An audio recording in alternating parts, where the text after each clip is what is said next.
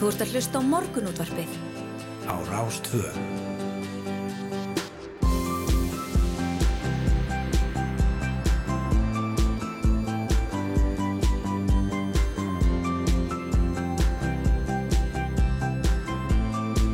Morgunútvarpið Á Rástvö. Jú, góðan og blessan daginn hér heldur við að staði morgunúttarpinu Snæra og Sindardóttir og Yngvar Þór Björnsson. Og við ætlum að vera með eitthvað til góðan nýju eins og alla virka daga. Já, já, komum við að við, við ætlum að byrja, byrja í fjárðabíð og fyrir austan en samband sveitarfélag á Austurlandi vonast til að lært verða betur í reynslu. Ef að halda verður áfram í haust með hugmyndur um saminningu síslumanns embættana. Í umsögn sambandsins um drög dómsmálar á þeirra já, um breytingar og lögum um síslumenn kemur fram að síðustu breytingar hafa verið illa undirbúnar og van fjármagnaðar og við ætlum að ræða við Einar Má Sigurðarsson formann sambands sveitarfélag á Austurlandi Já, um fyrirhugðar breytingar á síslimas embættunum hér í byrjun þáttar um það bylkortir yfir sjö. Jú, svo er það staðan á meilandinu Jú, jú, uh, frá fjárðarbyrð yfir til. Berlínar. Það var grein frá því gerð að uh, já, 65 miljardum evra verði varið í stuðningsaðgerðir til handa þýskum almenningi og fyrirtækjum vegna hækkandi orkuverðs og verðbólgu. Eftirluna þegar og námsfólk fá eingreðslu til að geta borgað orkureikninga, almenningssamgöngur verða niðugreittir og fyrirtæki fá ímiskunar aðstóð og þá voru í vikunni kynntar nýja reglur sem að dragur orkunótkun fyrirtæki á einstaklinga. Til að mynda mega skrifstofrými nú ekki vera heitar en 19 gráður Ó, og byggingar og útilistaverk sem áður voru upplýst verða það ekki áfram á meðan orkuskortur er í landinu. mm, við ætlum að ræða önnu Þorbjörgu Jónasdóttur fréttakonu sem er nú búsett í Berlín. 90 gráður, það er alls kallt Það er hansi kallt í desember mánuði þegar hérna það er kallt úti líka og, og hérna, Við erum alltaf með svona 25 gráður hér á svona stofu, íslensku stofu heiti já, Já, þetta er, þetta er kallt. Ja, Gunnar Smári Egilson félagi í Sósjálfstaflokki Íslands greindi frá því um helgina að, að honum hefði verið vist fyrir pólitíska þáttöku sína á förnum vegi en eins að rúður hefði verið brotnar í húsnæði flokksins. Hann verið gestur okkar til að ræða þessi atvik betur og svo er það stjórnskipunar eftirlitsnefnd Altingir sem að tekur í dag til umræðu skipan embættismanna án auglýsinga en nokkur tilvæg hafa komið upp á undanförnu þar sem embættismenn eru skipaðir eða farðir til í starfi án þess að hefðbundið umsóknarferli hafi átt sér stað. Það er Þórun Sveinbjörndóttir, formaður nefndarinnar og þingonar sáfningarinnar og Halla Signing Kristjánsdóttir, þingonar framsunaflokksins sem einnig á sæti í þessari nefnd er verið að gesta okkur upp klukkan 8. já, já. Og síðan ætla að ræða við Átna Þór Sigursson, sendiðar Íslands í Moskvu sem var um helgina viðstættur út för Mikaels Gorbatsjófs fyrir hann til leiðtóa Sovjetríkjana.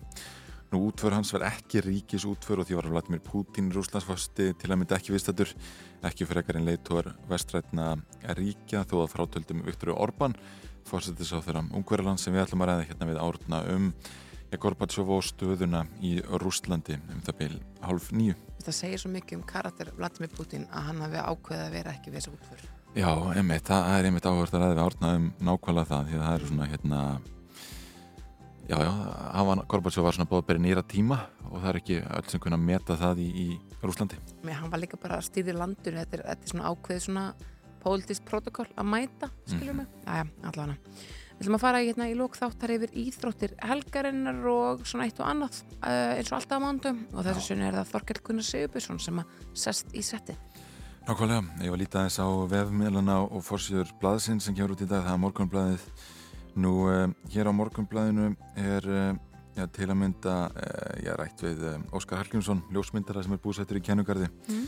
Hann segir, ég aldrei séð jafnmikla skelvingu og á þessu fólki.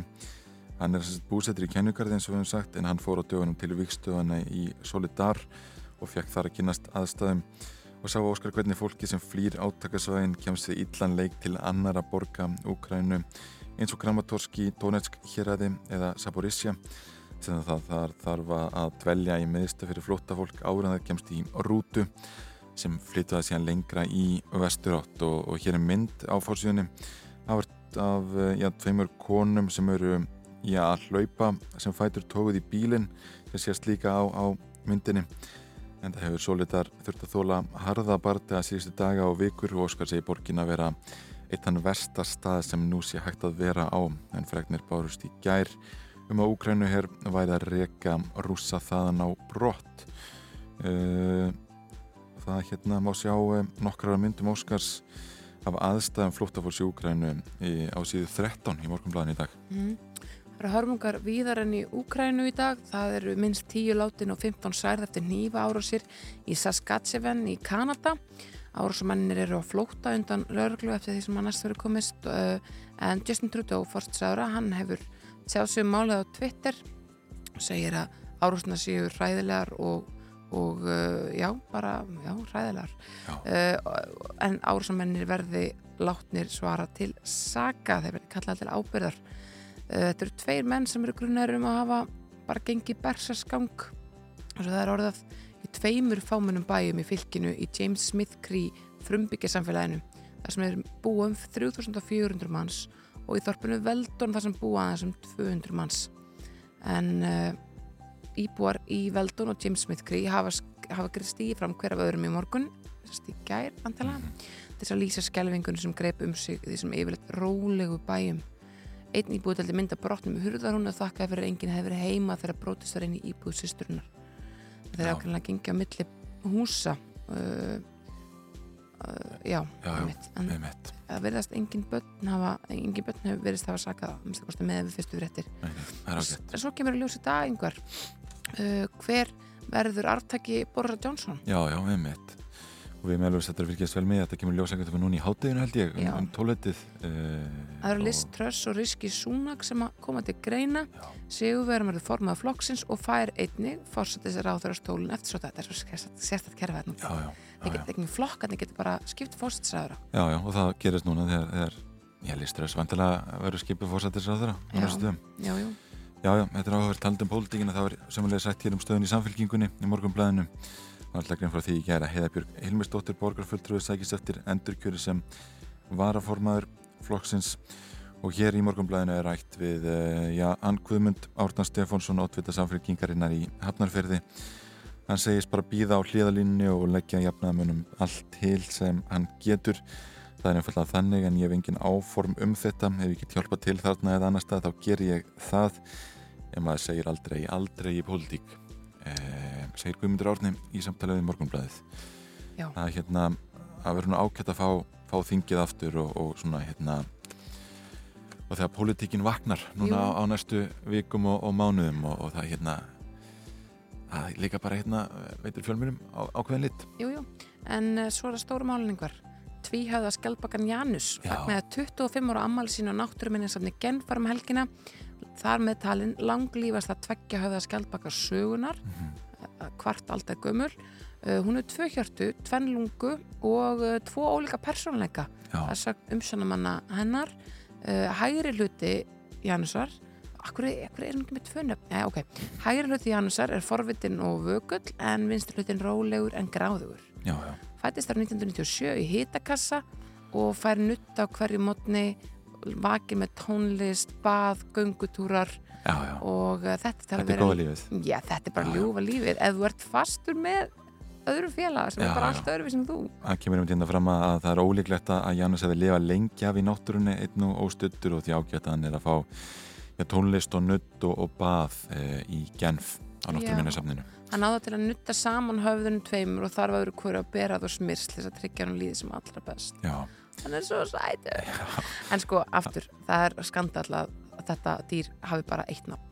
já, já, nákvæmlega.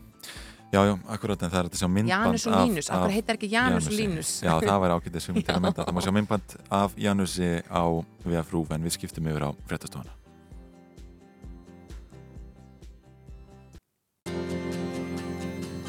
Þú ert að hlusta á morgunútvarpið. á Rástvö.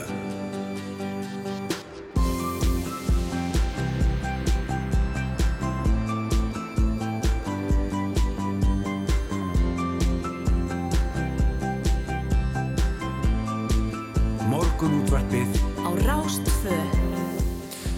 Morgunútvarpið býður góðan dag mánudaginn 5. 5. september. Það er Ingvar Þóra Snær og Sindri Dóttir sem ætla að vera hérna með ykkur til klukkan nýju eins og alla virka mótna og við ætlum að bjóða upp á eitt og annað og, og fekur okkur austur. Jú, einmitt, við ætlum að byrja hjá sambandi sveitafélag á Austurlandi uh, sem að uh, vonast til að lært verða bitur í reynslu um saminningu síslumarsambanda. Já, Ég sá að Bjarki Álsson Gunnarsdóttir þinguna var líka að skrifa um þetta og svona, þetta er greinlega hitti fólki að það verið austanvarandi þetta mál. mhm, Svo ætlum við að ræða uh, orkusbarnað í Þískalandi sem að já, geti þýtt að það verði hansi kallt í vetur Já. sem að fá til eitthvað Gunnarsmára Egilson til þess að tala um já, þar já, hafa vist á honum fyrir að vera félag í sósælstafloknum Já, já. um daginn einmitt og, ráðist á, á húsnaði sósista flokksins Akkurat um, Já, já, ræðum við hann hérna kortir í átta Já, svo ætlum við að ræða við uh, tvær þingkonur úr stjórnskipunar og eftirlsnefnd sem í dag tekur til umræðu skipan embatsmanna án auglýsinga.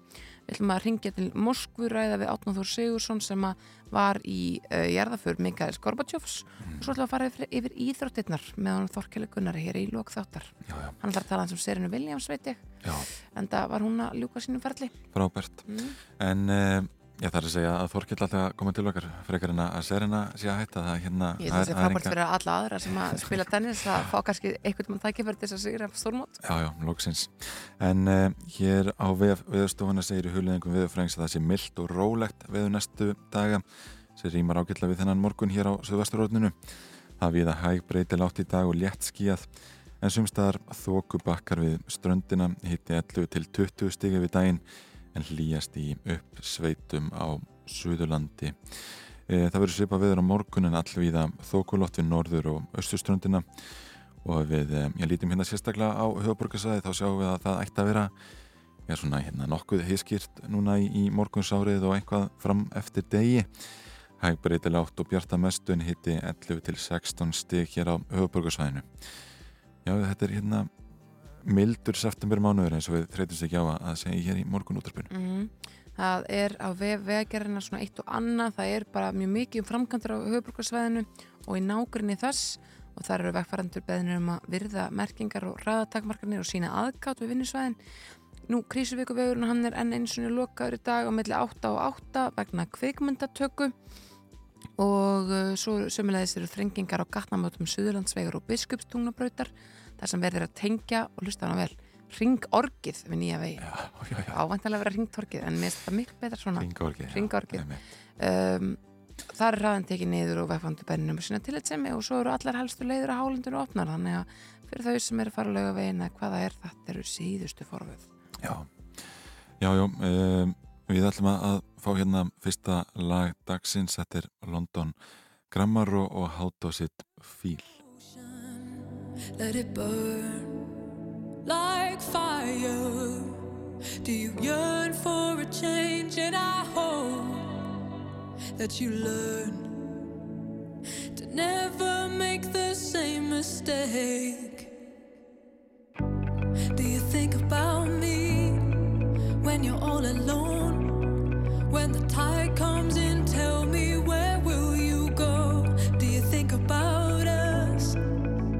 feeling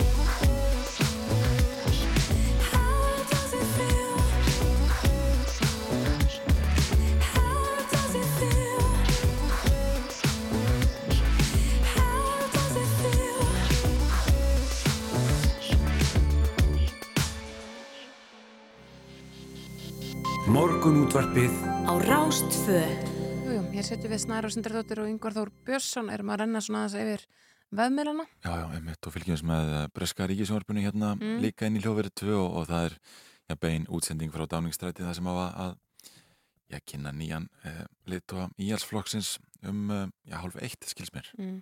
Eru einhverja hurðir einhvern veginn jafn, frægar eins og hurðin að Danústætti 10? Ég er ekki Nei, vissi það. það eitthvað, ég held ekki. Nei, en uh, hér sé ég á web BBC að uh, það varð uppi fótur og fitt og, og uh, svolítið fár í Ástralíu. Það var hérna listamæður í Melbourne sem að, að setti svona stóra, vegg, þú veist hvernig svona stóra veggmyndir eru orðna vinsalar viða í borgum um heim.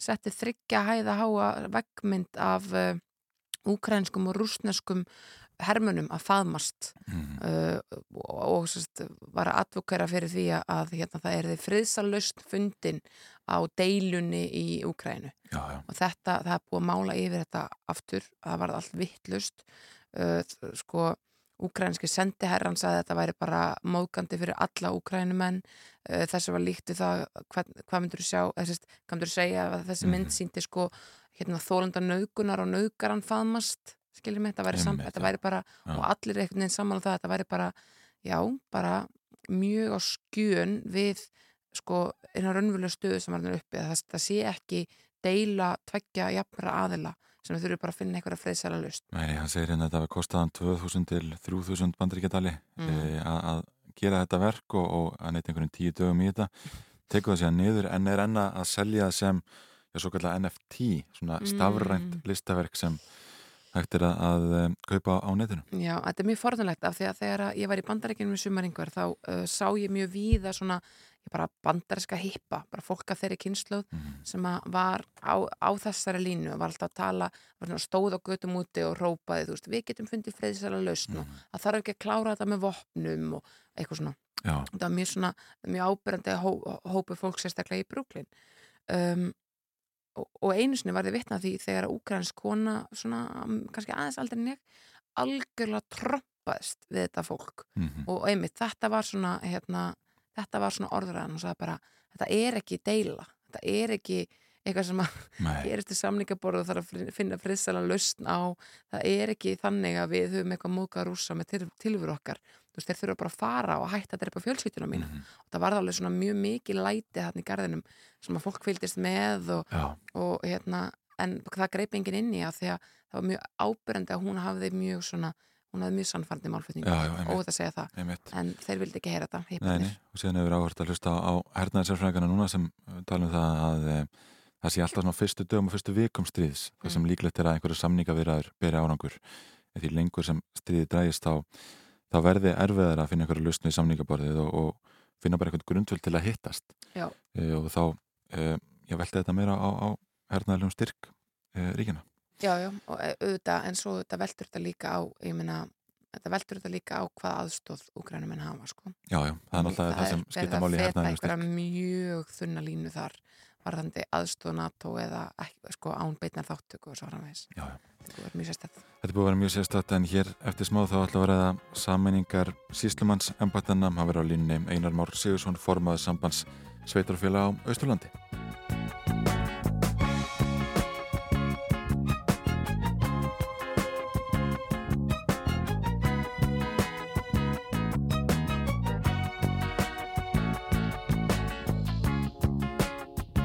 Here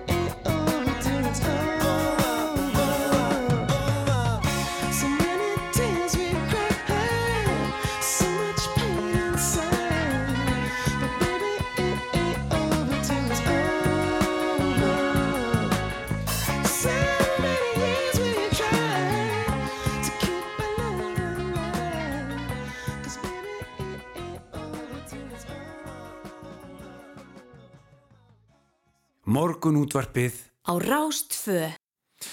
Jú, jú, þetta er Lenny Kravitz og Ain't, ain't Over Till It's Over Þetta er Mm. notalegt svona í morgunsárið Já, bara rétt, þetta er ekki búið fyrir það búið sko. Það er ekki búið fyrir að það er búið og, og það á kannski við, eh, já, hvað var það saminningu síslumanns embætta en samband sveitarfélag á Austurlandi já, vonastlega lært verði af bitur í reynslu ef haldið verður áfram í haust með hugmyndir um saminningu síslumanns embættana en í umsögn sambandsins um drög dómsmálaráð þarf um þessar breytingar og lögum um síslumenn kemur fram að síðustu breytingar hafi verið illa undirbúnar og van fjármagnaðar og Einar Már Sigurðarsson formaður sambands sveitarfélag á Austurlandi komin á línuna, góðan daginn Já, góðan dag. Sko við förum aðeins yfir þessa umsögn ykkar og, og þið eru til að mynda að, að vísa í, í síðustu breytingar. Uh, sko hvernig nákvæmlega voru síðustu breytingar og, og hvernig snertu þær ykkur? Já, sko, það var, voru fyrst og fremst breytingar sem þetta miða í sömu átt og menn að tala um núna en, en það voru fyrst og fremst að því verið hagraðingar aðgerðir. Það var markmiðið hins vegar þetta fagra, að ebla og, og bæta en, en við höfum þá reynslu hér hjá okkur fyrir austan að, að því miður þá hefur embættið hér verið fjárhás erfileikum alveg frá þessum breytingum. Og þó að á það hefur verið bent árlega síðan að, að það þurfum við að, að bæta og ríkisendurskoðun gerði úttækt og komst að svo niðurstöð að það væri ekki rétt gefið að þá því miður hefur ekki nást að, að gera þetta og ég sé nú að nú er ráðunetið að stefna að því að mann er síðist í svipað átt en bendir á jáfnframt að eins og stafrana lausni það séu ákveðnar hindran í lögunum þess að koma þeim til framkvæmda. Og það er þetta að finna góða og ég dreg ekkert úr sko markmið er afar fagurt og, og er eiginlega mjög í okkar anda það að segja að, að nútíma væða þetta allt saman og ebla það er minnstum mitt á mikilvæðan þátt sem er sá að, að þetta verði stjórnsýslu einingar ríkisins í, í landafáðum og þá með þeim hætti að það sé samstarf líka millir fleiri ráðanleika og þessna segjum við það vantar uh, allt innihald. Þetta er, þetta er fallegur á mig en hva, hvað er innihaldið og, og, og hvernig ætla mann að tryggja framgangmálsins og, og svo að fjárháslega grundvöldu sé fyrir breytingunum? Því að þó að verði spartnaður kannski þegar fram í sækir þá er nú breytingar þannig gætnan að það kosti eitthvað til að byrja með. Einmitt. Á sínum tíma þegar að, að þessum síslumannssambandum var fækkað uh, í nýju, uh, fækkað úr 24 í nýju, hérna ára 2014, þá, 14, já. þá var, uh, voru gera breytingar á líka bara svona verk. Já, hvar, hvar ákveðin verk voru unnin, en voru ekki mjög ekki öll síslumannssambandin með allt á sinni könnu heldur var þessu dreiftaðins. Sko þannig fyrir austan, hv- hvað sér ykkar síslumæðurum? Uh, hann sér nú um þessi, sko, ef ekki segja bara þessi daglegu störf, það er nú ekki mikið verið fært hingað af því sem var heldur, er bara þetta, þetta hefðbundna skiljiði Mm. sem er hjá, en þetta þetta síslumæðurinn, hann sittur á seðisfyrði en, en það eru starfstöðvar á Eskifyrði, mm. Egilstöðum og Votnafyrði til viðbútar við, við seðisfjörð, Mhm. þannig að það er sæmilegt aðgengi en, en þessi spartnaður er meðan komið fram í því að það er minkandi opnunartími og svo framvegi skiljið á, á, á, og, og máltaka ofta þetta lengri tíma þegar, að- þegar það er, er mannekla. En, en, en þetta er sjáu þið mjög mikilvægt og þess vegna viljum við að sé vanda til og við bjóðum það þetta fram að við erum reyðbúin til, til samstars við útfærslur vegna þess að það er mikilvægt að efla starfsemi ríkistofnununa, nýta húsnæði vel sem er til staðar en ekki það sem menn óttast og þið sjáu þannig vantilega að þau rendi gegnum umsagnina, menn óttast við og það sem gerst hefur ekki endilega á síslumönunum, þá er einhvað lítið það líka en, en líta í öðru. Tökum bankana þar sem að menn viðast halda að líta þannig á að flest störfið þurfi í raunverulega vera á, á höfuborgarsvæðinu þó er eigi húsna vitt og breytt um land. En þarna er hins vegar markmið talað um að fjölga störfum á landsbyrjunu. Ég ítreka aftur, markmiðin eru afskaplega fín en, en útfæslutar vantar og samráði sem er svo mikilvægt þetta bæði við stofnarnir sem eru fyrir og svo eins og segir í, í draugunum við sveitafjölu og aðra ríkistofnarnir. Þarna finnst okkur vera eigða. Já, já. En, en hafið af því að þetta hafa einhver áhrif á, á þjónusti eða að íbúar þarna fái verið þjónustu en áður? Uh, ég vona nú að, að menn ætti nú ekki að fara í öfu átt við þessi stefna því þeir stefna því að, að bæta og ég sé alveg sko hugsunum er gælina svo að færa störf út til ennbættana Mhm. en, en meðan og reynslan segir okkur þetta því miður ef, að- ef að þetta er, er um fjársvæsta ræða eða niðurskurð þá gætna vill það bytna á, þjónustunni. Það er bara reynslan segir okkur það og þetta sem við óttast og þetta viljum við sjá betri útvæstur á hlutunum svona áður en við segjum eða gefum fullilega grænt ljós á framgang málsins. Það er líka þetta alls konar útvæstur sjá við mögulega. Það er náttúrulega eins og gætna vill vera þegar við vilja gefa breytingar, það gengir langt breyta líu í eitt ennbætti það er ekki mínum huga kannski höfuðatriði svo heldur einmitt það sem þið nefnir það er að þjónustan verði tryggð og hún efnist og bakni Já, en þið hafið raun að vera miða við svona þar fórsendur sem eru gefnar, ekki sérstaklega miklar áhyggjur af því að það verði fjöldi fólks á þessum stöðum sem þú nefndir áðan uh, atvinnulust. Nei, ég hef nú ekki beint áhyggjur af því en ég vekk aðtikla á, BHM sem að mitt bendur á að það ætti að vera óþarf að segja öllu fólkinu upp og það svona, virkar alltaf illa á alla, það, er- það er orðað þannig. Það sé óþarfi, það á að vera hægt að tryggja skiljiðir samfellu í ráðningu. Þannig að það þurfi ekki að, að að stokka allt upp og, og, og menn byrja því að fá uppsagna bref og síðan um það hvað þetta gera eða hvað færði að gera skiljiðir. Þannig að það þarf auðvitað að tryggja ró og, og það er óþarfi held ég að vera að skapa svona ónót hjá fólki varandi þennan þátt bara við það að fá einmitt. Þau eru til eru aðra leiðir við, við löstmálsins. Já, já. Uh, já, því að við sendt frá okkur þessa umsögn núna, hvað tekur núna við næst og, og hefur rætt þetta, ég veit dómsmálur á þeirra. Já, það vil nú svo til að við áttum fund með dómsmálandarindar áður en þessi drög komu þar sem hann fór yfir sko hugmyndirnar. Og eins og ég fór nú yfir á það þá, þá vorum við nú ágætlega ánað með hugmyndirnar. En við sögðum svip og við segjum núna við erum allir eftir að sjá útfæsturna og hvernig, hvernig ætla mann að framkoma með þetta? Og, og það markmið til dæmis að færa e, það er en reynslan segir okkur að ef við ætla að færa störf eða verkefni e, svona frá höfbrukarsvæðinu og, og út um land þá vilist hann oft ganga hægar heldur en þegar það fyrir hinnaðið. Já, já. Já, Ég held að þetta sé ágætt loka árið. Einar Már Sigurðarsson, formaður sambands Sveitrafélag á Ísturlandi, takk fyrir að vakna með okkur hérna í morgun útarpinu. Takk sem við Já, það er oft stýttar til Reykjavíkur heldur en frá Reykjavík sko. Já, það verðist vera. Herðu, við ætlum að, að ringja hér til Berlínar eftir fréttafilitið núna klukkan hálf átta og ræða aðeins Já, þessar aðgerði sem er verið að ráðast í þar til að bregðast við orku skorti til að mynda mega skrifstóri með nú ekki vera heitar en 19 gráður og það er nú bara kallt. Það er mjög er mjög kalt. Já, Herðu, en uh, já, fyrst má FM Belfast. já þetta er bara avión, avión.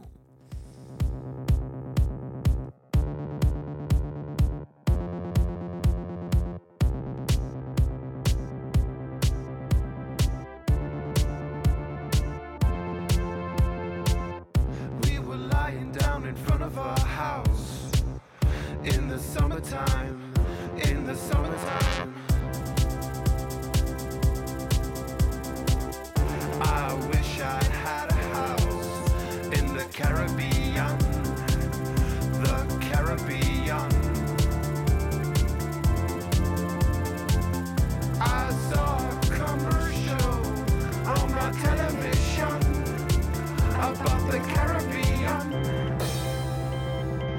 We could go there,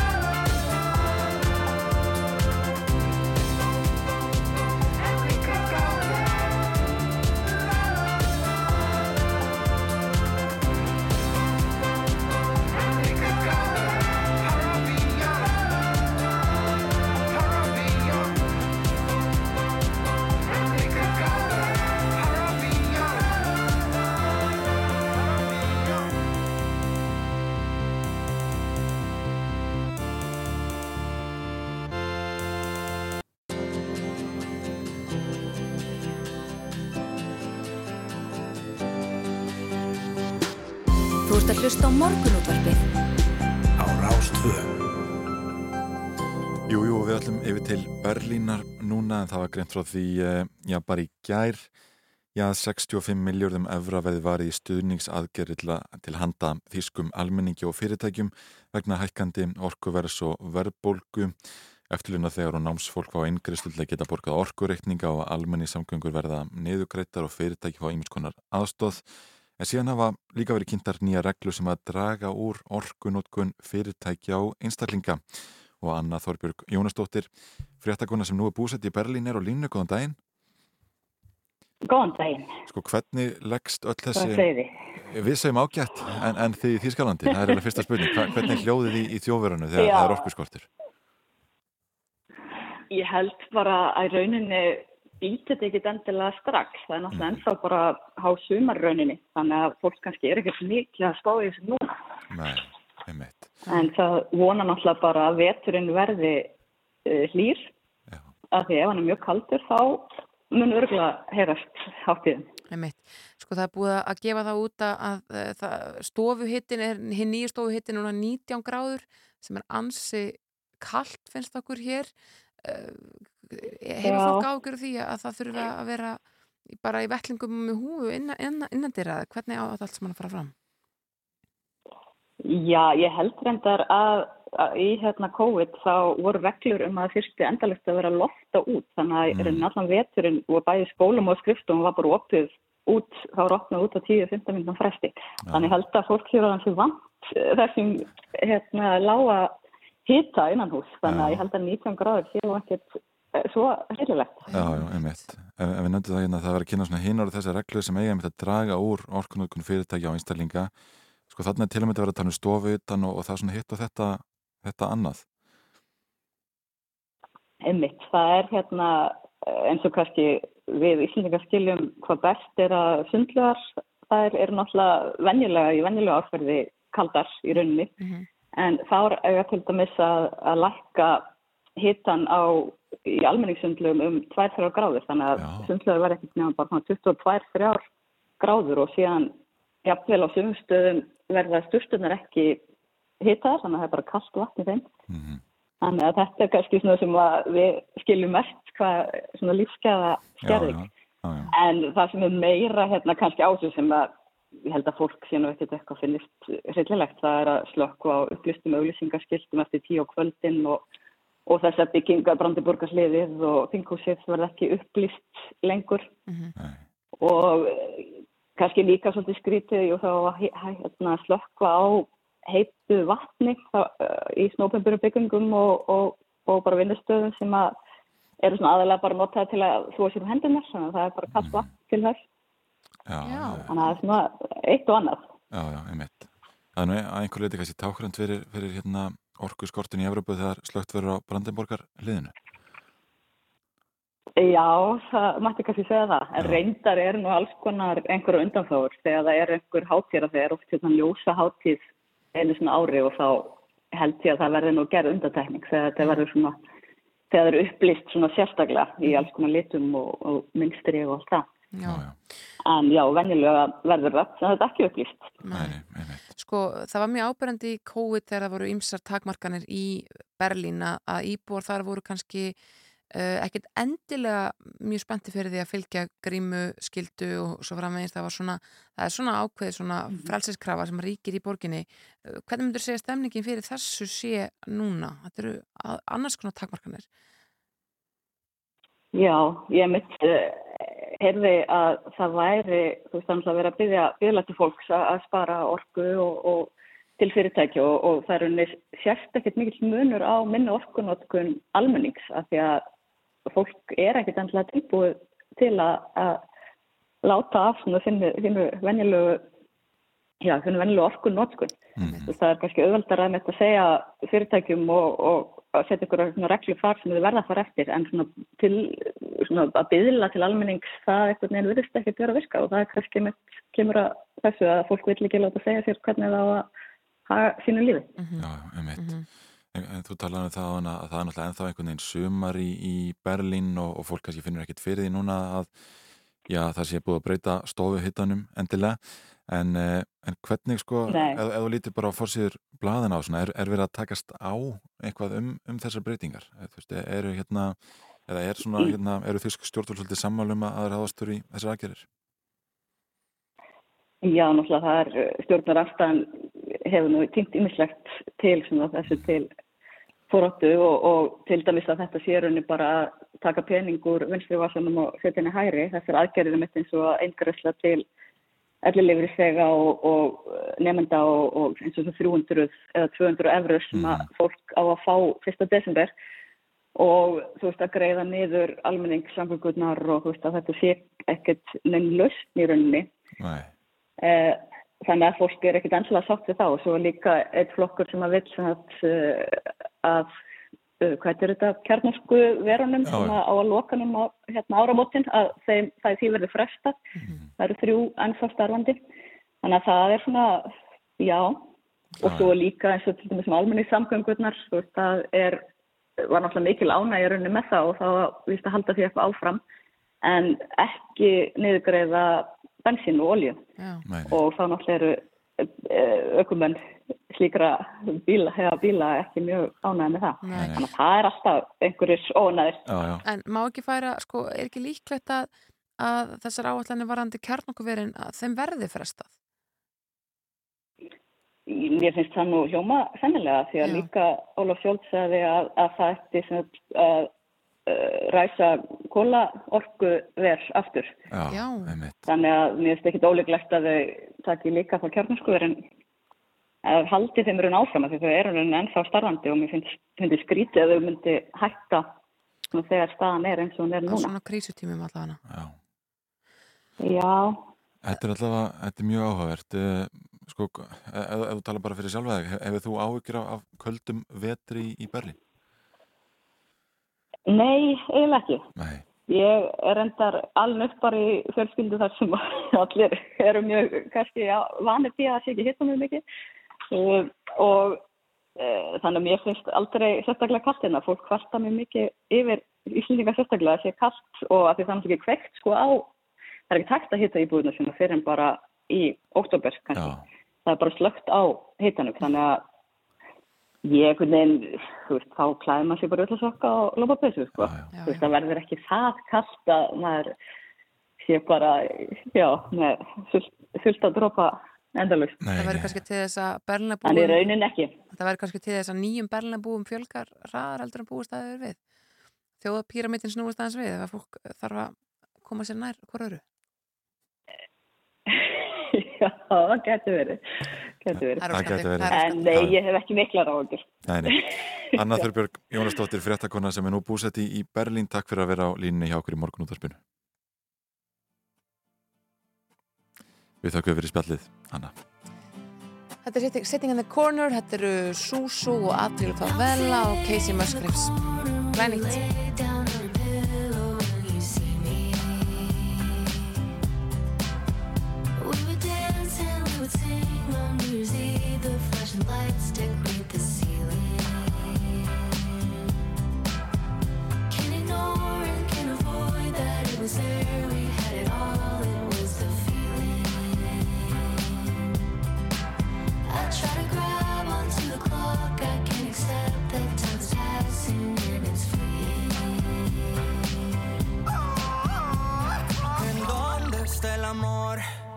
Que prometiste duraría una eternidad? Vuelve por favor, me está matando esta maldita soledad. Me duele que ya no se saque cuando mi vida daba por ti.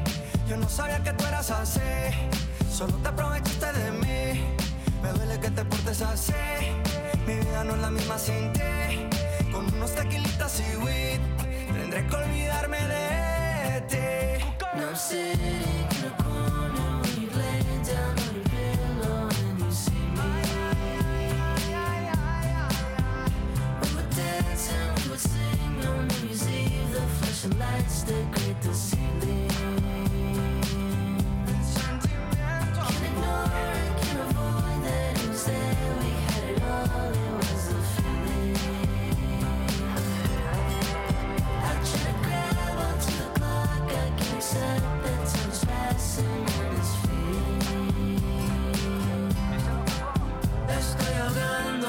dolores en mi vida.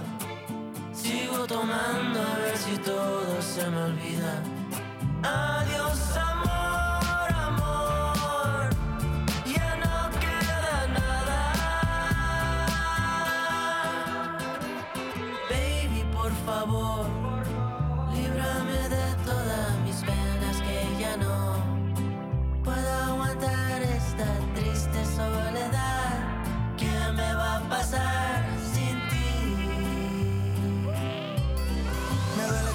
saque cuando mi vida daba por ti. Yo no sabía que tú eras así. Solo te aprovechaste de mí. Me duele que te portes así. Mi vida no es la misma sin ti. Con unos tequilitas y weed, tendré que olvidarme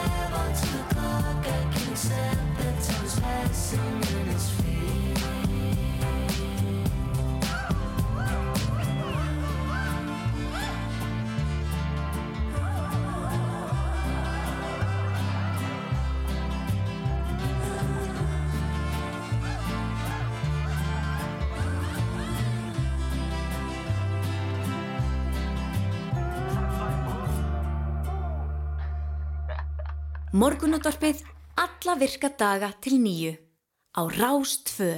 Já, og klukkuna vantar einar 17 mínútur í átta eða svo hann er sestur hjá okkur Gunnar Smári Egilson, félagi í Sósérstaflokki Ísland sem að greindi frá því um helgina að honum hefði verið veist fyrir pólitíska þáttöku sína. Hann hefur fengið skilabúð sem eru, já, bara innihalda hótanir og svo voru rúður brotnar í húsnaði flokksins. Velkomin Gunnar. Já, takk. Uh, segðu okkur bara aðeins frá þessari atbyrður sem hefur verið í gangi og hvernig þetta hófst, hófst allt saman þessar svona, já, ofsagnir, ef að leiða okkur að segja það. Það er náttúrulega uh, langt síðan. Það fylgir því svona uh, hótanir að vera, í, ég er náttúrulega gammalt blaðamaður sko, það var Mhm. mikið hótað hérna í Galanda. Við þekkjum það. Já, og svo er svona tengt við stjórnmálinn, ég er ekki alveg kláraði, allavega erum við með svona myndavilar heima við okkur til þess að fylgjast með umgangi kringum húsið. Mhm. Það er búin að vera þar í svona tvö ár. Mm. En það er maður hérna í bænum sem að hefur svona veist að mér og raunverulega fjölskyldu minni eh, út á götu með svona rópum um, um uh, glæp, hérna myndu glæpi sósialismas út um allan heim og ég beri ábyrðað þeim. Mm. Eldi meðal annars mig og, og konuna mína og, og uh, þryggjára bannabann á 17. júni með rópum og látum. Já. Við höfum komið niður þar sem við höfum verið með mótmæla austuvelli og, og garga þar eitthvað um að, að við séum hættulegt fólk Mhm. og verið með svona mjög aggressífa framkomu. Við fannst að þá til dæmis að vara með bann með sér, kannski svona fjögra, fimm ára gamla stúlku og var svona steitandi nefan og gargandi með eh, eiginlega með banni sitt við liðina sem að bendinu til þess að maðurinn er ekki alveg í lagi. Nei. Hvað er þetta gengið á lengi, segir Ég veit ekki, einhverja mánuði sko. Já. Svo um daginn að þá eh, hitti ég fyrir utan heimili mitt og var svona að velta fyrir mig hvað ég ætti að gera við þessu. Og svo e, kvöldi núna í vikunni, það ekki verið eh, aðfara nótt 50 dags eða föstudags, ég maður ekki, að þá fikk ég svona send skilabóð í, í enga skilabóðum að maður ætlaði að verða þessir út um vopn og koma að finna hvað rétti heima og beita þeim á mig og fjölskyldum mína. Og svo ja, einum og halvum sólarinn síðar að þá var brotnar þessar rúður Mhm. meðan við vorum inn í húsinu, en við erum svolítið djúft inn í húsinu það er þarna, þetta er samstöðun þar sem við erum með svona vídeo og podcast tökum það upp og það er náttúrulega hljóðutöka, þannig að við erum svolítið svona djúft inn í húsinu og heyrum ekki alveg hljóðin, en þegar við komum út að þá hafði verið brotnar þarna rúður Mhm. Þannig ég að- var að taka viðtal við Stefán Jón Hafstein. Já, einmitt. sem eru bara einhver samfélgingamaður og fyrirverði yfirmaður hérna rást Já, já. þannig það er ekki eins og sóstalflokkurinn sé einhvern unduróður afl. En mér finnst þetta að koma svolítið í samingi við það. Að það er náttúrulega verið að halda þið fram í ofnveru umræðu að sósialismi sé eitthvað stórhættulegt.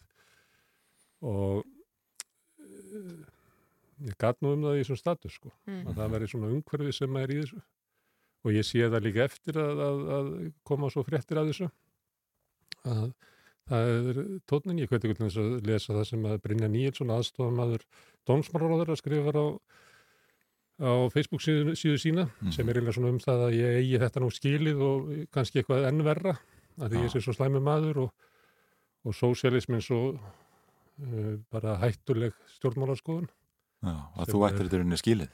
Já, hann er eiginlega skoða já, Mm. Þetta sé Hann segir að eins og reykir bara stór þjófur sé að hvert yfir að sé að reyndur einni krónu sem að þýði það að ég hefði gert allt margvalt verra heldur en þetta sem að, og ég vitna þarna í mann sem er að hótaði að koma heim til mín með vopn Mm. og notaði á mig og fjölskyldu mína.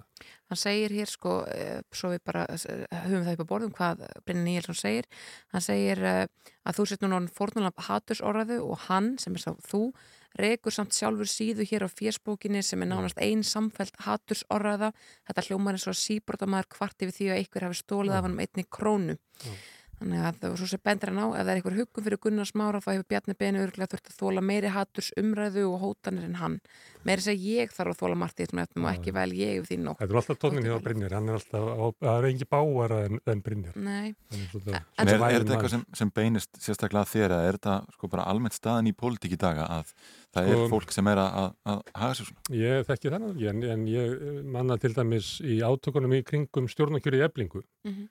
Að þá er öll orðræða, eða ekki öll, mikið orðræða í kringum Solveig Önnu sem að var verið að vísa í, og þetta er náttúrulega, við erum ekki í tómarúmi hérna, það er náttúrulega eftir stríð var reikin í bandaríkjunum McCarthyismi þar sem að var verið að reyna að útlista róttakaverkefliðsbaróttu og sósialisma sem undróðu starfsemi, sem að væri umverulega var ekki verið að berjast fyrir hérna fátæku og, og valdalösu, heldur væru þarna á ferðinni útsendara Erlends allræðisríkis sem ætluðu að brjóta bandaríkinað innan. Já.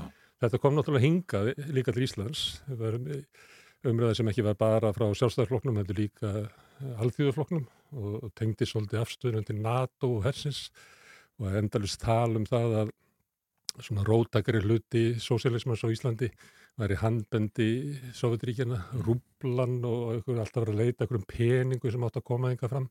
Mhm. Það er nú, kom nú bara bók út fyrir síðustu jól sem að síndi fram á það að, að almenna bókafélagið og fleira hafði verið, Mm. verið sko, stopnað af bandarísku leini þjónustunni, þannig að við veitum kannski að fara að skoða, skoða hina hliðina. Mm. En þessi orðræða um að, að sá sem að heldur fram er að berjast fyrir verkaliðin, sé raunverulega kannski stalinisti, sósialismi sé einhvern veginn svona, þetta minnir mér stundum á svona hvernig þið talað barnarlega um, um vímuefni, ef þú, reykir grasa þá endarum með því að sprauta þig með heroinni eða eitthvað svo leiðis. Mm. Að, að ef að ég er að halda fram sjálfsögur í réttinda baróttu verkalýs á Íslandi, að þá sé ég raunverulega að, að leggja stað í leið sem að mun enda í gúlagi Stalins, eitthvað svona kjaftaði. Og þetta hefur náttúrulega virkað mjög vil í bandaríkjónum, þar sem að sósialismi var skammarirði og er rétt að ná sér núna með Bernie Sanders og, og svona á síðari tímum. Mm. Þetta virkaði alltaf mjög vel gegn eh, hérna, Corbyn í Breitlandi, þar sem að sífælt var að í að því að hann væri einhvern veginn ekki þjóðhollur, hann væri að standa með sko palístunumönnum og kurdum og alls konar svona hópum sem væri á einhvern grumsalan hátt og við breyta og allt slíkt. Mm. Þannig að þessu, þessari orðræði hefur verið beint gegn sósialismum alla síðustu öld og í, í kostningunni í eblingu það var það alveg bara stórkostlega undarlegt að fylgjast með það með því hvernig var talað um Solveig Önnu. Hún ætti að vera með dauðalista, hún var stalinisti, hún var bara að sækjast þetta völdum, það var verið að vísa til, þetta er svona kallað hundaflutt, þú segir þetta ekki alveg beint að að hún er sér meðsegum morð og fjöldamorð og ætli að, að hrifsa fólki öll líðréttindi og, og sé bara óalandi óferjandi í vestrænum samfélagi, en það með svona hundablæstri Mhm.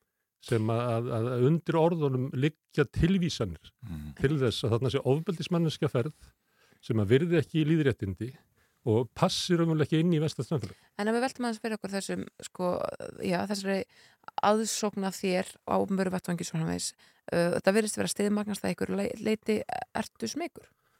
Já, ég veit ekki, það er náttúrulega, það er ekki hægt að hugsa um þetta, það er, en, að maður getur ekki fengið vit í vittlisu. Nei. Það er ykkur vittlisingar sem eru bara stjórnlausar úti og þú veist, það er ekki þetta að hugsa eitthvað vit í það, það er ekki þetta að bregðast við því með einhverjum hætti, þannig að að mér, mér finnst það nú ekki en, en e, maður finnur það og finnst það svona miður að vera að, að draga þessa þessi leiðindi inn á heimilið og, og, og ég hef býst við sé þannig að, að þau sem að ekkert hafa til unnið, þótt að ég hef ekkert unnið til þess að fá þetta en ég hef verið hérna gaggrind sjálfstæðarflokkin sem að og gaggrind hérna auðvaldið og, og hinna ríku sem að nota völd sín til þess að, að halda hinnum hérna veikarstöttu niðri sem að Brynja Níelsson og félagar hans uh, tólka sem hatursorðraðu gagvað sér og Mhm. líka því saman við hérna árásir á, á, á veikstæða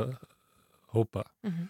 að þó að ég hef ekki unni til þess að vera hótað um að vera lamin eða, eða middur að þá uh, held ég að kona mín og barnið hérna, við uh, upplifið þetta svona enn verð sko, Mm. sem að verður bara fyrir ykkur sem að veist ekki hvaðan kemur Já, já. En, en heldur að sko, orður ræða uh, stjórnvalda einhverju leiti og, og, og þá hæri manna sé að setja vatn á millu þessar einstaklingar sem, sem Veldur, við, við veitum alveg hvað er að gera, þeir eru ekki fættir í gær. Þetta er bara hluti af stjórnmála bara áttu 2000-aldarinnar. Það er að útlista þá sem er að berjast fyrir sko hagsmunum hérna valdalitlu að útlista það að e, það má vel verða hljómi vel. Sósialismi getur verið góð hugsun allt saman en að, hann ber með í sér hérna fræ, allræðis og kúunar og hvað þýðir það? Það þýðir það að allt sem ég er að segja sér um, að ég sé umverulega maður sem er að vinna því að taka af ykkur líðréttindi, svelt ykkur það er, veist, og það er mjög stutt í þetta. Þegar Pútin sem er sko fyrverandi bandamaður sjálfstæðarflokksins var í pólitísku bandalagi með sjálfstæðarflokknum samin að Rúsland í hérna, Evrópuráðinu, þingi Evrópuráðsins fram að 19- 2014 í innrásinni á, á, á Krím. Þegar hann reyðist í februarinn í Úgrænu að þá voru svona sjálfstæðismenn og, og, og svona um, skrýtnir kratar réðust á sósæðarflokksins eins og það var eitthvað tenging þar á milli. Sko Putin er, er hérna, félagi Orban í, Ungverlandi og Erdogan í Tyrklandi talandi um annan svona pólitískan uh, samstagsæðila sjálfstæðarflokksins. Uh, sjálfstæðarflokkurinn hefur verið í pólitísku bandalagi í Evrópu líka En það er ótt að segja samt að sjálfstæðisflokkurinn hafi talað mjög hart gegn þessari innrás í Úkrænu. En, ég er, að- ég er, að- en, en, en af hverju ættu menn að fara að saka sósistaflokkin Mm. um að tengjast Pútin sem að er sko hægri fasisti? En kannski rétt í lokin, uh, þú var alltaf rætt við laurugluna varandi þessi mál, uh, sko, hvað tekur við, Já, hvað þessi mál var núna á Ég næstu vikum? fekk ábendingu um það eða svo, kona mín hafði haft samband við lauruglun út af öðru og þá var bent á það að vera alltaf rétt að tilkynna þetta, hvað sem að maður ætlaði að kæri þetta ekki. Þannig að það gerði ég þarna í vikunni og svo bara vildi svo til að að degi setna þá var hérna rúðurna brotnar. Mm. Þannig að ég hef bara tilkynnt þetta og ég er svona ennþá að melda hvort ég er að kæra. Ég er náttúrulega veit hvaða mennið eru sem ég nefndi þessi, þessi tveir. Mhm. En ég veit ekki hvort að þeir brutur rúðurnar. Nei. Nei, það kemur kannski í ljós síðar. Mm. Uh, takk kærlega fyrir að koma til okkar, Gunnar Smára Egilson, fyrir. Uh, við erum að skipta yfir á áttafréttir hér eftir örskamma stund og ætlum svo að ræða skipan uh, embatsmanna án auðlýsingar. Já, já, Þórun Sveinbjörnadóttir formaður, uh, já, Stjórnskipunar eftirstand. já, hún ætlar að koma til okkar eða vera á línu öll heldur og uh, já, Halla Signi Kristinsdóttir þinguna framsóknar, þau ætla að vera gestur okkar hérna um áttaleitið. Uh, síðan ætla að ringja til Moskvum í Árnaþór Sigurðarsson, sendir að Íslands þar sem var viðstættur útför Mikaels Gorbatsjórs uh, um helgina, Já, annaði Putin. annaði Putin. Þú ert að hlusta á morgunútvarpið á Rástvö.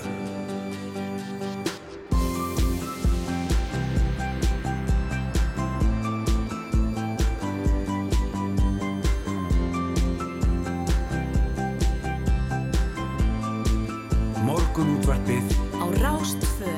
Áttafréttir að baki og setni hálfleikur hafinn hér í morgunútvarpinu að það er Ingvar Þór Björnsson og Snæru Sindradóttir sem ætla að sitja hérna með ykkur til klukkan nýju í dag. Einmitt. Og uh, í dag ætlum við, við ætlum að ræða það að í dag þá tekur stjórnskipunar og eftirlsnend alþingis til umræðu skipan embatsmanna án auglýsingar en nokkur tilvik hafa komið upp á undarferðinu þar sem embatsmannir skipaðir eða farðið til í starfi án þess að hefðbundi umsóknarferðli hafi átt sér stað og það er hún Þórun Sveinbjarnadóttir formaður stjórnskipunar og eftirlsnefndar sem er komin til okkar hún er þinkona samfélgarinnar en Halla Signi Kristinsdóttir þinkona framsunarflóksins hún er stödd fyrir vestan og er á línunni komið sælar báða tvær Góðan dag.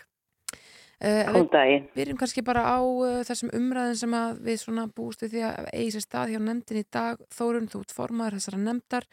Uh, hvers vegna eru það að taka þetta mál til umræðu? Já, embættisfæslur ráðherra eru uh, til skoðunar hjá stjórnskipunum eftirlitsnefnd og það er hluta verkefnum okkar að gera það og uh, ég mun leggja til á fundinum í dag að það verði gerð frumkvæðis aðtúun svo kölluð um skipun embættismanna án auglýsingar og uh, þó að nýjasta dæmi sé skipun uh, þjóðminjavarðar Mm -hmm. hálfu menningar og viðskiptar á þeirra þá er það ekki eina dæmið og því miður hefur það gerst of oft uh, á þessu kjörtimabili sem þó er nú eiginlega bara nýhafið og reyndar á því síðasta líka að ráðherrar hafa leift sér að, að skipa aðstu embættismenn þjóðarinnar án auglýsingar. Það hafa verið skipaði ráðuneyti stjórar, Guðlugur Þór Þórðarsson og Ásmundur Einar Daðarsson hafa báðir gert það nýlega. Uh, og þetta uh, er ekki, sko, þetta vinnur í gegn uh, gagsægi, gegn trösti og stjórnsýslunni Ópenberi starfsmenn hafa samkvæmt starfsmannalögunum auðvitað réttindi en líka skildur, hafa líka skildur gagvart þegnunum, gagvart borgurunum í landinu. Og það skiptir mjög miklu máli að það sé uh, tröst á ópenberi stjórnsýslu og ekki síður uh, fyrir eins og til dæmis í dæmi þjóðminjavarðar að fyrir þann það fagfólk sem að starfar á þessu sviði að það sé jafnræði, það er að segja að staðan sé auglýst og öll sem að hafi áhuga geti sótt um Mm. og svo sé það metið eh, eins og á að gera. Það vakti mitt miklu aðtekli núna í síðustu viku þar Jón Ólásson sem var mitt formaður starfsóp sem var skipaður af fósættisáþra um hvernig verið hægt að ebla tröst á stjórnmálum og stjórnsýslu talaði um að þessi skipum bara jæðri við misbeitingu á valdi. Er það svo að, að þínum að er, Já, er það það það alveg? eru hans orð og uh, við vitum það að í lögunum er ákvæði þar sem, sem leifir tilfærslu Mhm. en aðalreglan er auglýsing. Hitt er undantekning og það má ekki verða þannig að undantekningin fara að verða reglan. Nei. Það er, skiptir mjög miklu máli í þessu samhengi. Halla Signý, um, sko, Já. er eitthvað svona bara á þetta, má þetta mentalitet sem að er að, að engina ríkstjórnarflokkana núna, hvernig horfur þetta við þér? Um, þetta er nú ekki engjandi fyrir ríkistjórnarflokkan núna, þetta hefur náttúrulega átt sér stað á undarförnum árum og ára tugum jafnvel og en megin reglan er auðvitað svo að, að það eigi að auðlýsa eftir í, í, í slíka ennbætti en uh, við erum náttúrulega að taka þetta fyrir núna, þetta er dagskrálega sem ég sá bara að koma inn núna, við hefum ekkert fjallað um þetta innan eh, nefndarinnar, svo það, því sé nú haldið til haga, heldur var þetta sett bara á dagskrálega, dagskrálega settur upp og og, og hann er skipin embætismann án auðlýsinga og er ekki bundin við þessar afningu sem eh, á nýskipum þjóminnaverði og ég vil leggja út frá því að við séum að, skoða þetta lag og hvað í lögum sem vissulega er vald með farin en er til staðar og hefur verið nýtt í mörgum tilfellum. Og kannski er þe- þegar að kemur svona upp þegar að vera að ráða, þegar ráð þeirra að fara inn í og, og, og hérna ráða svona ennbætismenn að þá þurfum við að hafa eh, fyrir því sterk rök og ég tel að það hafi nú verið gert og, og þetta er tilflutningur á kannski ennbætismennum innan sama málaflokks en, en meginreglan er auðvitað svo að það eigi að auðlýsa en það er undatekning frá auðlýsingaskildinni og það er ef að skipaði tímabundin í ennbætti eða setning í forföllum og síðan er samkvæmt 37. grein er heimilt að flytja ennbættismenn með ennbætti án þess að ennbætti sé auðlýst en, en við getum líka hort til fleira dæma eins og til dæmis bara þegar að verða að, að samina e, ríkistofnanir hvernig er farið þá að þá er kannski þá er því hérna, störfin eru flutt inn, undir ykkur aðra stofnun. Er það rétt? Eh, er það, er svo hæfasti valin því, í, í því tilfelli? Við getum verið að ræða þetta svona fram og tilbaka. Við náttúrulega erum bundin mjög og það er lítill sveigjanleiki í ráningum innan ofnbæra geras Eh, það er stundu verið kallað eftir því og þetta er kannski sá sveigjanleiki sem er til staðar. Er hann alveg rétt niður neldur? Getum við haft hann einhvern veginn öðruvísi? Eh, engagerin gerir þetta náttúrulega og, og þetta er allt öðruvísi far með þar. En við þurfum kannski að huga þessum sveigjarleika, hvernig er hún best fyrir komið og hvernig er hún rétt orðaður inn í lögunum. Mm. Þórun, hún spyr hvað er rétt að gera og hvernig að, að, að skipleika hennar sveigjarleika. Við tölum svolítið um 37. greinina. Er bara rétt kannski að, að afnema hann eða, eða breyta algjörlega? Ég held að það sé umræðið sem þurfa að taka og ég held að það þurfi algjörlega að taka umræðina um starfsmannalögin. Þau mm -hmm. voru sett árið 1996 og, og það urðu miklar breytingar á ofinberi stjórnsýslu og stöðu ofinbera starfsmanna en það er önnur umræða og við skulum taka hana, engin spurningum það að í þinginu þurfum við að taka hana. En þessi mál sem að nú er verið að ræða eiga ekkert samilegt með saminningu ríkistofnana eða annari tilfæslu þegar að verða að leggja niður ríkistofnanir eða flytja á milli þá bara þar, gildir þar lagarammin og þar er verið að gæta að réttundu þeirra starfsmanna sem kannski lendi því að starfið eru lagt niður og, og þeir, þeim er bóðið að flytja annað, geta mhm. neyta því. Þannig að það er, er og, og þessi rögum að það sé alltaf verið að gera þetta ég veit það ekki, nú hefur Katrín Jakobsdóttir fórsættisráð þeirra ákveðið að taka saman lista. Ég veit ekki hversu langt aftur í tíman hann nær það á eftir að koma í ljós. Um, en þetta er sko þetta er svona hvernig, hvernig, hvernig ég á orðaða kurtesislega, þetta er svona drastlaraleg stjórnsísla það er bara þannig að uh, rökin fyrir því að færa uh, sapvörðin á listasafninu til þjó, gera hana að þjóðið minja verði, það eru engin störk, sterk rauk þar að baki mm. og manneskunni sem sjálfur er engin greiði gerður með þessari, þessum verknaði það eru sterk rauk fyrir því að auglýsa stöður og gæta að uh, ofinberi stjórnsýslu að gegnsægi að því að fólk hafi tröst á stöðunni og að gæta að jafnræði borgarana það er það sem máli snýst um það snýst ekki um niðurlagningu eða saminningu ofinbæra stofnuna. Það snýst um það að aðstu ofinbæru ennbætti þjóðarinnar séu auglýst að get, fólk geti sótt um og það sé sett hæfisnemnd og hæfast að manniskan sé ráðin. Mm -hmm.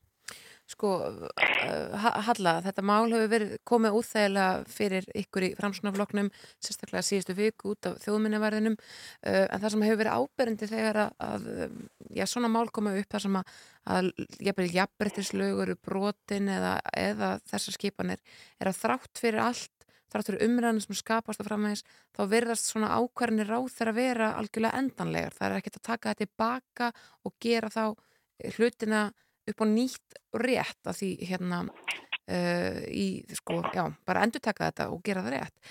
Er það eitthvað sem væri þetta mm. að skoða betur að þegar að jafnvöldslegur er brotið með ráningar þá séu hlutinir uh, gerður upp á nýtt. Þegar að, að, að einhver starfsmæður farður til skipaður þá séu bara svo skipin dreyin tilbaka og hlutin settir réttan farveg þó að niðurstansi geti orðið svo sama. Já, við skulum nú, sko, þetta er náttúrulega alltaf svolítið huglegt með þetta, rátt eða rétt. Ég meina, ef, ef það kemur ykkur var náttúrulega lagalegu grunnur. Og, og þó að það sé auðlýst og farið fram mjög viðtækt, hérna, ferli og, og ráningaferli, auðlýsing og, og það sé starfsmæður ráðin í, eða maður ráð, manneskja ráðin í starfi, þá er það náttúrulega endilega að svo farsalsta en við hefum við orðið vittna því að það er alltaf líka umdeilanlegt hver er hæfastur og hver er rétt ráðin en, en við skulum alveg halda til haga að þetta er ekki endilega, þetta er ekki ráð. Þetta sko, er lagalega fórsettir fyrir þessu. Bara, svo ég stoppaði aðeins, Lilja viðkendi þessum þætti hér í síðustu viku að hún, henni hefði reynilega orðað á mistök að gera þetta svona. Hún hefði betur átt að auðvisa starfið og það veldur maður fyrir sér. Er það ekki hægt að draga svona ákverðin tilbaka og bara gera, setja hlutinni réttan farveg? Já, nú hefur hún fært rauk fyrir þessari, hérna, þessari ákverðin sinni að, að þjóminnaverði var ráðinn og, og, og það eru fælegar ástæði fyrir því það hefur greinilega það hefur verið sess niður og tekin einhver ákvörn út frá einhverjum forsendum sem ég veit ekki þekk ekki, hefur var ekki viðstöð þá er hérna umræður en, en ég held að það séu kannski hvort það eru réttar eða rángar er kannski svolítið huglagt mat og ég hef ekki heist hana viðkenna einhver mistök í þessu sambandi en hvort að aðferðin hefði átt að vera svona þegar hinsinn er eftir móti getum við alltaf hérna rættum en ég vil alveg meina það að við séum alveg og, og í dag erum við að taka þetta fyrir og við þurfum að ræða þetta og, og, það eru líka þó að sé sko, ákveðin fyrir að vera að leggja ríkistofnanir og en þá eru stundum störf sem ekki eru auðlist sem eru færð til. Við getum líka tekið það undir þetta. Nei. Ég er að meina það, Já, já. sko eins og ég var að tala um áðan. Hvað segir þú þú Nei, það er bara algjörlega ósambærilegt það sem að Hallasigni er að nefna um þessar tilfæslur þegar störf eru farið til. Hins vegar er það þannig að það, hún nefndi kjarnan í þessu málu og það eru forsendurnar fyrir skipaninni. Vegna þess að þegar að staða er auglýst, þá eru auglýst eftir, það eru mentunarkröfur og það eru hefniskröfur. Og það er ljóst hvaða forsendur liggi fyrir ráningu hver svo sem hún verður. Það er opið ferli, það geta allir sótt um sem að hafa þá mentun og hefni til að bera sem að auga séns, sem er orðið það bara þannig. Þetta er ekki jafnbræði, það er sangjarnt, það eru jöfntækifæri og það er þetta sem máli snýst um. Opið gagsætt ferli sem að er í þáu ofinbæra stjórnsýslu sem er sterk og gagsæ. Þú nefndir hérna áðan Þóruna að þú munir fara fram á að það verði gerð frumkvæðis aðtugun á þessu máli um, hver gerir hana og hvernig fer það allt saman fram? Já, það er í rauninni samkvæmt þingskapalögunum tæki sem að stjórnskipun og eftirlitsnefnd hefur að það er hægt að hefja svo kallaða frumkvæðis aðtugun á ákvörðunum uh, ráð þeirra og uh, það er eitthvað sem við ræðum á fundinum í dag. Já, já, við höldum áfram að fylgjast með þessu málum Þórun Sveinbjörnadóttir, formaður stjórnskipunar og eftirlitsnefndar alþingis og Halla Signi Kristjánsdóttir, þinguna framsvöldnaflóksins. Takk fyrir að vera hjá okkur í morgun útarpinu. Takk sem leiðis. Takk. Það spila hérna eitt með áskjöri trösta, þetta er glænýtt, þetta er Snowblind.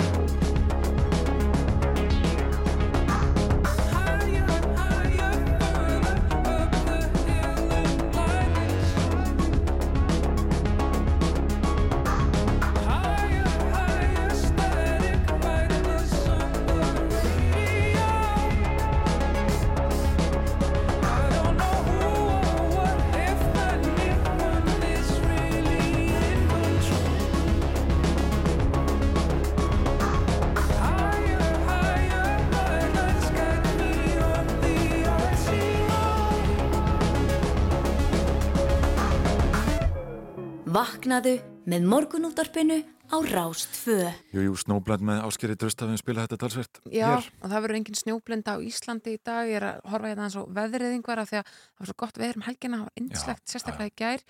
Uh, það spáir alltaf 20 stæði hitta þetta Einmitt, já, Mm, já það er uppsveitum, ágætt. uppsveitum uh, árunasíslu eða Suðurlandinu þá er bara verður bara algjör pollur. Uh, og um, þegar ég horfa á kortið þá er sko hægur vindur um all land. Uh, í borgarferinum eru bara er bara bærir ekki vind Mhm. 15 gráðu þar og, og hérna heiðskýrt og um, þess bara frábært uh, og útivista veður Já, allstað já, nákvæmlega. Það var einmitt áhört viðtal við Sævar Helga Bragason sem kemur alltaf til okkur hérna annarkvæmt þriðudag e, á vísi um helgina. Mhm. þar sem hann var einmitt að hvetja fólk til að horfa til himins þess að það verið mikil norðurljós og, og, e, og þann segir að það sé aðeins hluta því sem ég sjá nætur himnunum þessar myndir en þrjár reykistjörnur skýna líka skært þessa dagana Mm. e, og e, ég segir, segir ástæð þess að norðurljósin hafa verið svona mögnu um helgina vera op í segulsviði sólar eða öllu heldur kórunu geilar og búast með við flottum norðurljósum áfram vegna þessa en e, kórunu geil endist mánuðum saman og valdi endur tekníku á norðurljósum Já. þannig að þetta er hérna, já, bara horfum til heimins og, og njótum mild september mánuðar Já, það reyndar spáir skýðu víðast hverjum landið sko í kvöld. Mhm. Þannig að það er spurning hvort að það verði almennlegt uh, almennt veður til, uh, til game aðtugana. Já, hann, hann segir hérna að þessar þrjá reikistjörnum séu Júpiter, Saturnus og, og Mars uh, Júpiter var í bjartastur núna 27. september um, tunglið kikið heimsó til hans um 10. september Mm. Og hann er að, að mæla með því að fólk prófa að kíkja á hann með handsjón auka þá ætti fólk að geta hérna, að sé litla punkta við liðans. Galileo tunglin. Skulum Heyra aðeins meiri músík uh, áður en að við ringjum til Moskvu. Þetta er Stevie Wonder.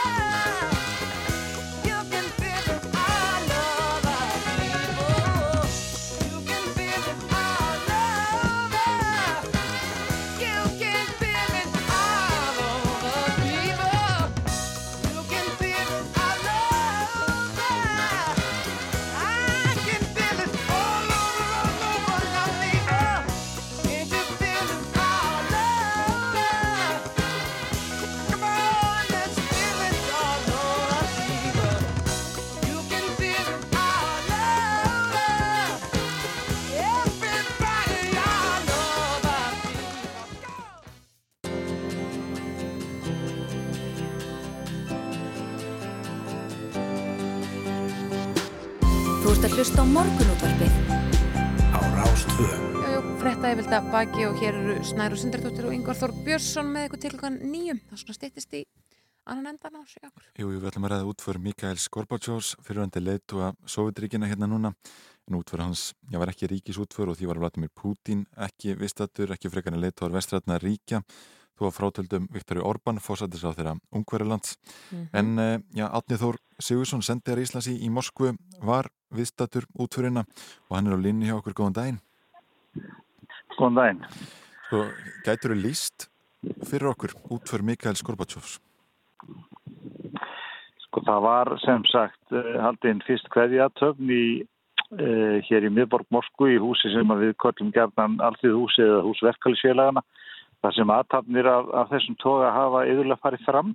Uh, líka þegar um ríkisútfærir er að ræða svona viðröðulegt hús með svo stórum sólnasal þar sem að þar sem að einn látni liggur í, á viðhafnabörum kistan opinn og, og og fólk kemur þar og, og gengur sem sagt fram hjá kirkjunni leggur blóm og, og þannig að það má segja að það hafi verið tiltölulega hefðbundið, verðuleg og, og viðegandi e, aðtöfn en eins og segir eftirlega þetta var ekki, e, útfyrir var ekki á vegum ríkisins e, en hún bar mörg einkenni þess, það er bæði það að, að það var sem sagt aðtöfn í þessu húsi, það var staðin heiðusvörður og það voru verðir sem að, sem að gættu að röðareglu og, og pössu að fólk væri rétt að leið. Þannig að hérna, en, en þetta var semst hverjarnum og síðan var, og þarna var fjölskyldarnas, dóttiras, tindarsonur og barnaböld og, og nokkur svona helstu uh, nánustu vinnir, en síðan var sem sagt kistunni ekið í kirkjugarði, Novadjevic í kirkjugarði sem er missaðis í Moskú líka og þar var hann og þar fór, þangað fór bara hans nánustu fjölskylda nánustu vinnir og, og, og svona einhverjir. Það var reyndar alveg opið en, en það var það var svona helst hans nánusta fólk sem að fór þangað og þar var hann jarsettur við hlið einhvern sinnar. Mm. Sko, hvern, af þetta var nú ekki ofnbær útför eins og, eins og einhver kom hérna inn á. Hvernig stóðu því að þú varst viðstatur hérna átni? Það var vegna þess að það voru erlendir, eins og segi þessi aftur var opinn mm. og, og erlendum, fullur um erlendar ríkja var bóðið að, að, að koma og það var stopnunin Gorbachev Foundation sem að hann sett á laggirnir eftir að hann hætti sem fórseti sjótryggjana til þess að vinna svona að þeim hugarefnum sem að hann vildi leggja líf munum að hann fekk viðavelur Nobels 1990 og, og hann nýtti Nobels séð einmitt til þess að koma á laggirni þeirri stopnum, styðja við frálsa fjölmjölun í, í, í Rúslandi og það var í raun og voru sústopnum sem að er síðan nátengt hans fjölskyldu sem að sem hafði umsjón við skipulagningu útfærarinnar að vektanlega í einhverju samráði við stjórnvöld mm. uh, og, og það voru þarna uh, sendi herrar já, mjög margra erlendra ríkja, flestra vestræðna ríkja síndist mér og, og hérna og auglust fleiri annara því að, að þetta var að, þannig að þetta var mjög mikið fjölmenni og við vorum beðinum að koma Já, nú slitnaði Þarna okkur. slitnaði línan til Rúslands greinilega. Við skulum reyna, reyna aftur. Við skulum reyna aftur að, að heyra í árna. Það spurning hvort við fáum bara eitt, eitt lag hér á, á meðan. Þetta er Survivor.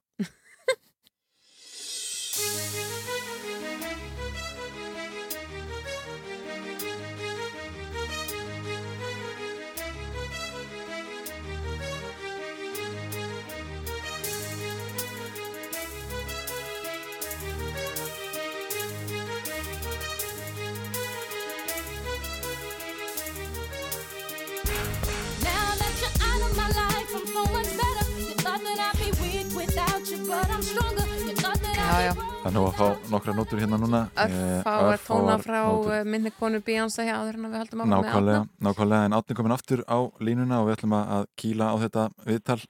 Og ég held sambandi núna. Eh, sko, mér langar þess að spyrja út í það að, að Gorbatsjó var náttúrulega frjálslindari en, en margir leituar sem á undan honum komu eh, sem kannski skýri það að einhverju leiti að eh, já, Rúslandsfórseti núna mætir ekki í jarðaföruna og, og hann svona hérna fólk hefur mjög sefna skoðanir á honum í Rúslandi fannstu þá svona andrumsloft í kringum útföruna og jarðaföruna? Sko það kom, miða við einmitt þetta sem hún segir að þá kom að mörgum óvart hversu margir voru uh, mættir til þessa vottunum viðingu sína. Það voru langar aðeins, voru þúsundur í röðum uh, inn í húsinu og í aðliggjandi göttum. Uh, þannig að það kom mörgum óvart. Nú uh, við þorfum við gagvart honum eru þetta mjög tvískipt í, í, í Rúsland. Það er, það er þetta mjög margir sem að líta svo á að það er hans stjórnastefna sem að leiti til falls Sovjetríkjana. Það eru margir sem að sakna Sovjetríkjana hér og, og, og meðal hans hefur núvanandi fórseti haft upp yfirlýsingar í þá veru. Þannig að það er margir sem að telja að hann ber í ábyrð á því en, en svo eru þetta aðri sem að bara rifja það upp að hann, hann í raun og veru var málsvari ákveðina líðræðisvæðingar þátt fyrir allt og, og aukins fyrir álsvæðis uh, nýra lausna í ernaðismálum þó að það hafi síðan ekki eða já, honum hafi ekki tekist að hrinda því að fullu í framkvæmt og, og, og, kannski má halda því fram að að stóðir Sovjetryggjana hafi nú verið orðnað það fisknar líka þegar hann tók við að það hafi kannski ekki verið öðru að búast að það færi eins og það fór þó að þó margir hafi nú alls ekki spáði í. Nei, hann, hann, bara, hann bara tóku stýrun á bremsur þessum bíl. Það kannski mætti orðað eitthvað í þá veru. Mm. En, en svo er það líka núna eh, þegar, þegar hann fellur frá, það er auðvitað oft þannig að, að, að þá verða nú umsæknin var jákvæðari heldur en að meðan fólk er enn uppistandandi.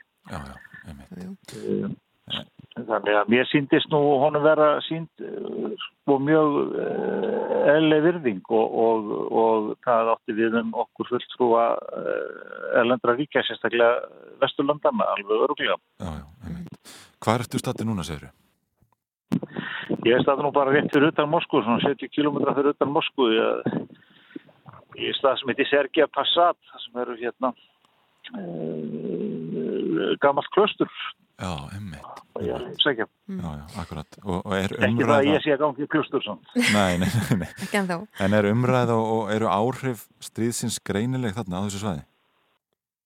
Nei, í sjálfu sér ekki með beinum hætti vegna þess að, að, að þetta er átökin ekki í Moskvu eða þar í kring en það er ekki viðvöldlurinn en, en með óbeinum hætti eru þetta finnur fólk eh, áhrifin bæði í gegnum fjölmjöla umræðuna, þetta er umræða um málið í fjölmjölum þó hún sé öll á meira og minna á forsendum stjórnvalda.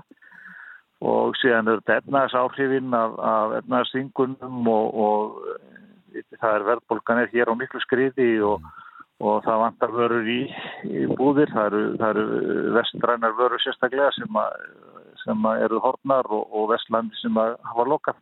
Þannig að fólk verður þetta vart með þeim hætti en, en ekki beinlýnis ekki beinlýnis stríðsátökin sem, sem slík. Nei. En andlátt Gorbatsjöf, sko, hafið það eitthvað áhrif á svona ofinbæra umræðu tengslu við stríðið? Ég veit að New York Times, þeirra umfjöldunum, hann tala svona eins og það var einhvern veginn, hlutnir væri farnir í heilan ring, maður sem að vildi endurvikið Sovjetríkin væri aftur uh, komandi valda og svo framvegs, sko, var þetta einhvern veginn svona fyrir þau, þau fáu sem mótmála stefnu stjórnvalda, var það andlátið merkingabærara?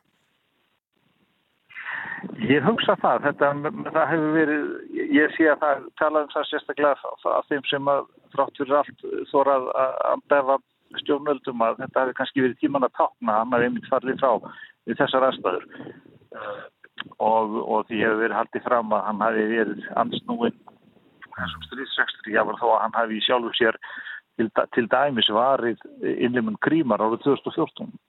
Einmitt. Já, einmitt. Já, já, já. En hvað tekur núna við svona næstu daga og vikur hjá þér? Það er hefbundin, má segja, ef eitthvað er hefbundin í þessum aðstæður, þá, þá er það að við erum í miklum samskiptum hér Norrænu sendiráðin, Íslandssendiráðin og Vestransendiráðin.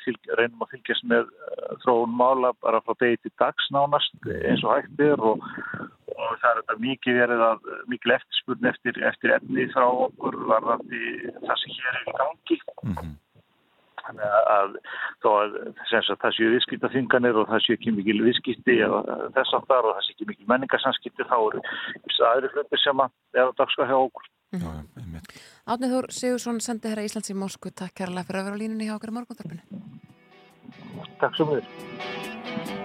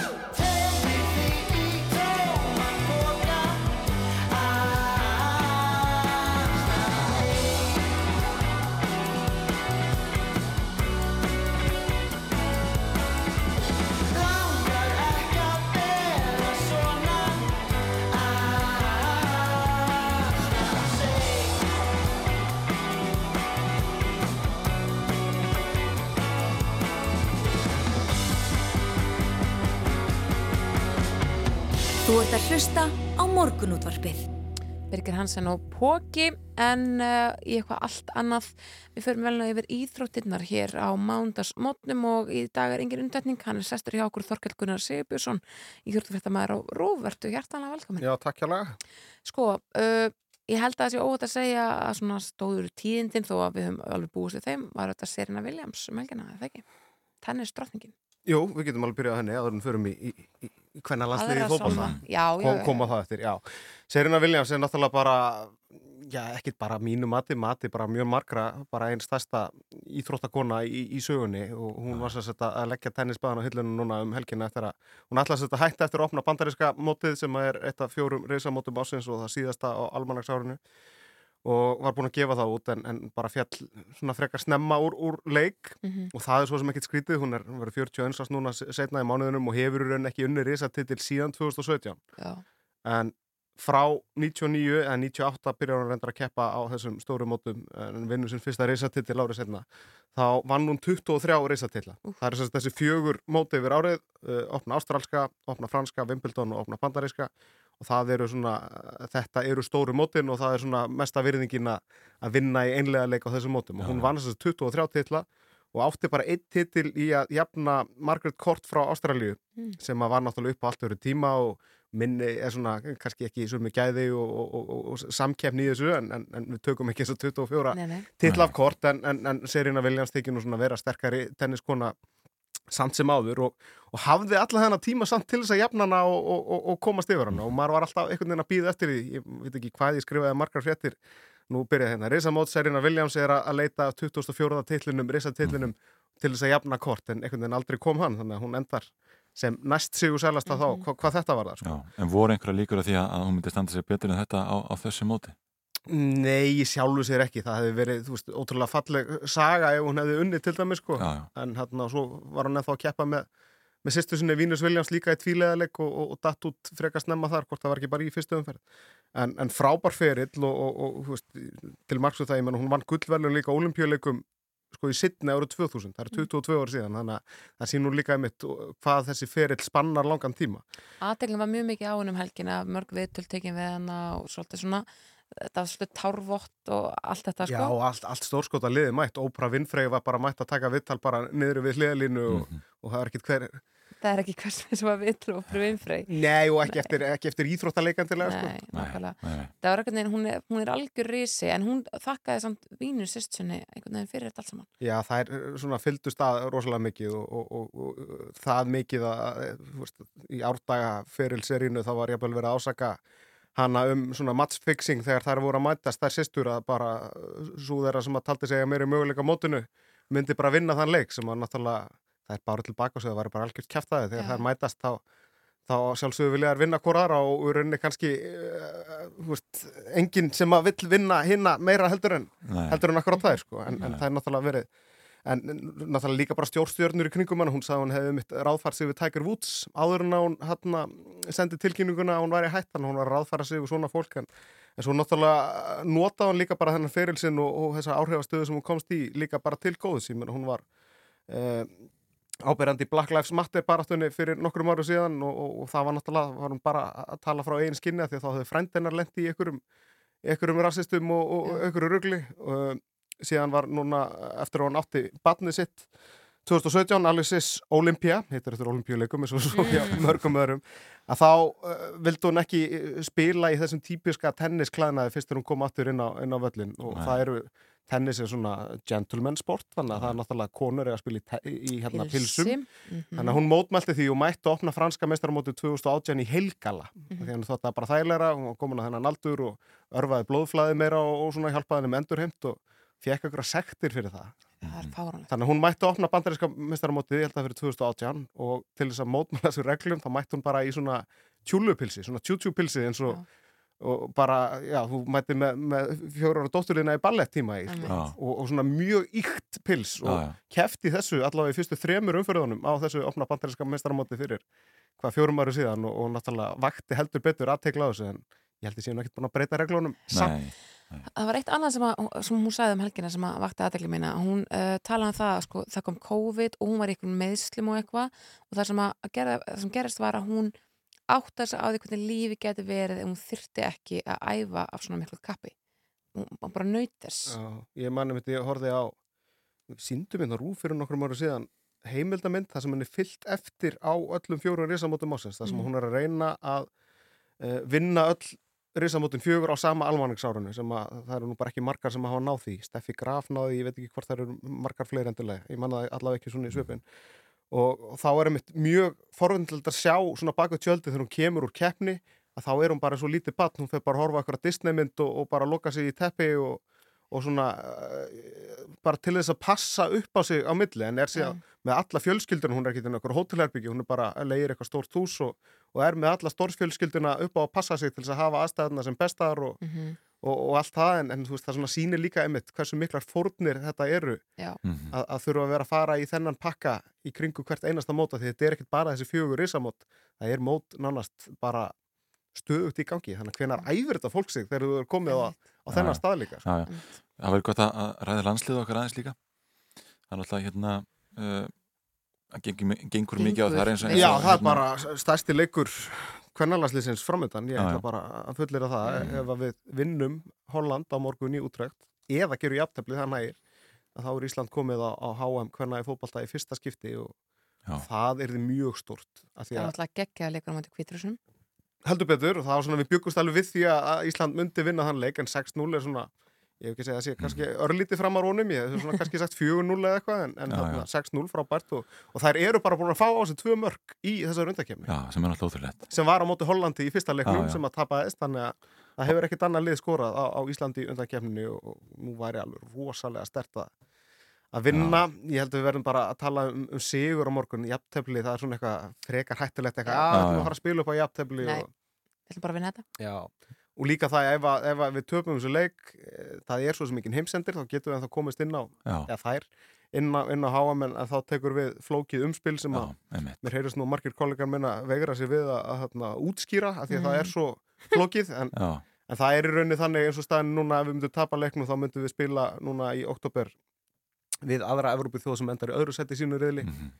og það gæti annarkvort duga til að komast áfram eða við þurfum að fara í Meira umspil einhvern veginn já, milli heimsálfa Já, já, já, já. Já, nei, nei, við nefnum því ekki Nei, og að vinna það, þetta morgun. þetta er ástæðan fyrir því að, að, að fólk nefnir kannski ekki útskýrt og ég var örgulega útskýrt á meira þess að vittlust núna þannig að Þetta er alltaf sjálfströst sem við höfum inn í þennan leik 6-0 á móti Hvítar Úslandi Algjörlega. Þá getum við gert allt á móti Hollandi Algjörlega og, og sko hollenska lið var að skipta um þjálfara, hollenska lið gerði ekkit sérstakt mót núna á EM í sumar þó að Ísland hafi ekki komist áfram og þá töpuðu ekki leikðar þannig að það er að taka það með sér líka þannig að ég held að, að, okkar konur standi bara mjög vel og, og ég held að þessi bara algjört ráð að kveikja á, á sjónvastækjónum Já.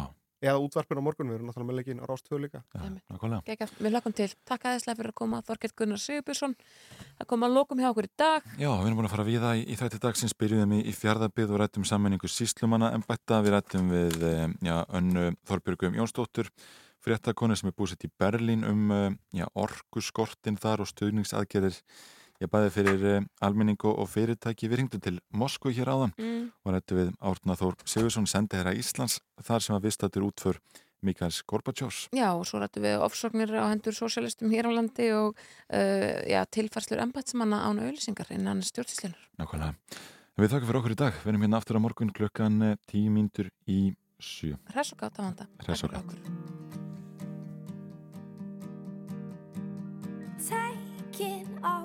This town. They should worry.